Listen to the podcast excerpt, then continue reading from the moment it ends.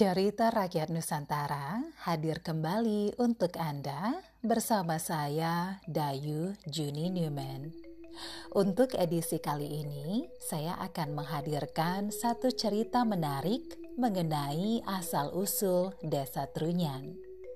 Trunyan adalah sebuah desa yang berada di Kecamatan Kintamani, Kabupaten Bangli, Provinsi Bali. Desa Trunyan ini terletak di dekat Danau Batur. Jika Anda berkunjung ke Kintamani, sayang sekali jika tidak mampir ke Desa Trunyan. Tempat ini merupakan salah satu desa tertua yang ada di Pulau Dewata. Tidak hanya itu, para wisatawan yang datang ke tempat ini pun bisa menyaksikan tradisi masyarakat Desa Trunyan yang telah dilakukan secara turun-temurun. Bagaimanakah sejarah dari desa yang memiliki tradisi unik ini? Simak terus podcast Cerita Rakyat Nusantara sampai tuntas nanti.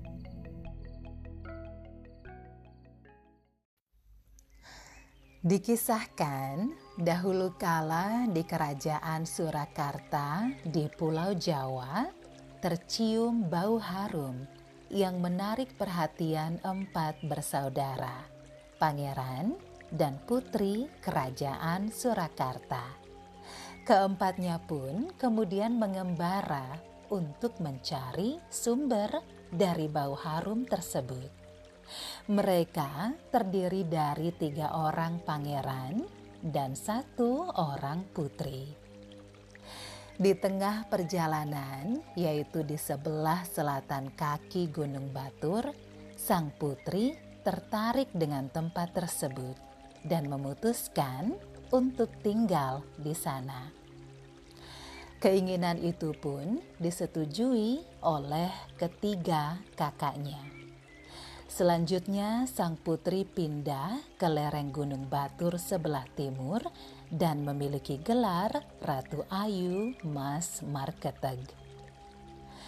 Ketiga pangeran kemudian melanjutkan perjalanan mereka. Saat tiba di dataran yang bernama Kedisan, mereka mendengar suara burung yang sangat merdu. Mendengar suara burung itu, pangeran ketiga merasa senang dan berteriak kegirangan. Hal ini ternyata tidak disukai oleh pangeran pertama. Maka diperintahkannya pangeran ketiga untuk berdiam diri di tempat tersebut. Ketika pangeran ketiga menolak, pangeran sulung marah dan menendangnya hingga jatuh dalam posisi duduk bersila dan berubah menjadi patung.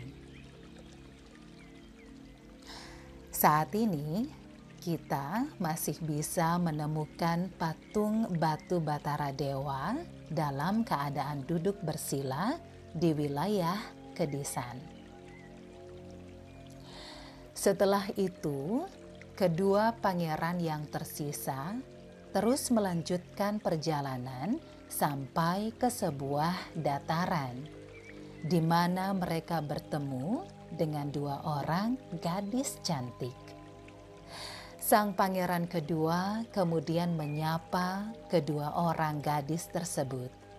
Melihat hal itu, Pangeran Sulung kembali marah dan memerintahkannya untuk tinggal di tempat itu.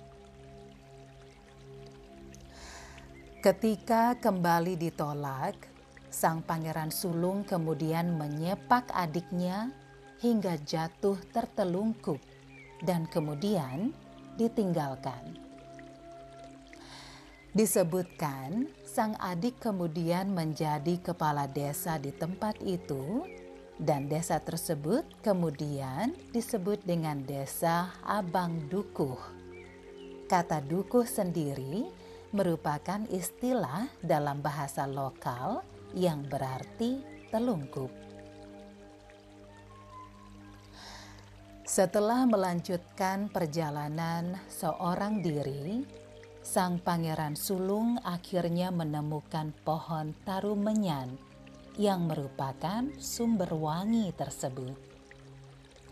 Di bawahnya, ia melihat seorang dewi yang cantik jelita sang pangeran pun jatuh cinta dan berniat untuk melamar sang dewi. Lamaran sang pangeran diterima oleh kakak sang dewi dengan syarat sang pangeran harus menjadi pemimpin dari desa tersebut.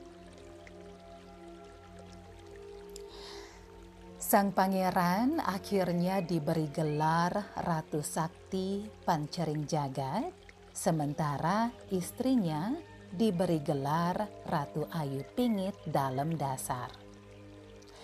Sejak saat itu, desa Trunyan berkembang menjadi satu kerajaan kecil. Kemudian, untuk melindungi kerajaan dari orang luar yang datang, karena tertarik dengan bau harum pohon tarumenyan, Ratu Sakti Pancering Jagat memerintahkan penduduk untuk tidak menguburkan masyarakat yang meninggal, namun diletakkan saja di bawah pohon tarumenyan. Pohon tarumenyan yang bisa mengeluarkan bau harum tersebut mampu menetralisir bau dari jenazah sehingga tidak mengeluarkan bau busuk. Dan tradisi pemakaman yang disebut dengan mepasah ini masih dijaga dan dilestarikan hingga saat ini.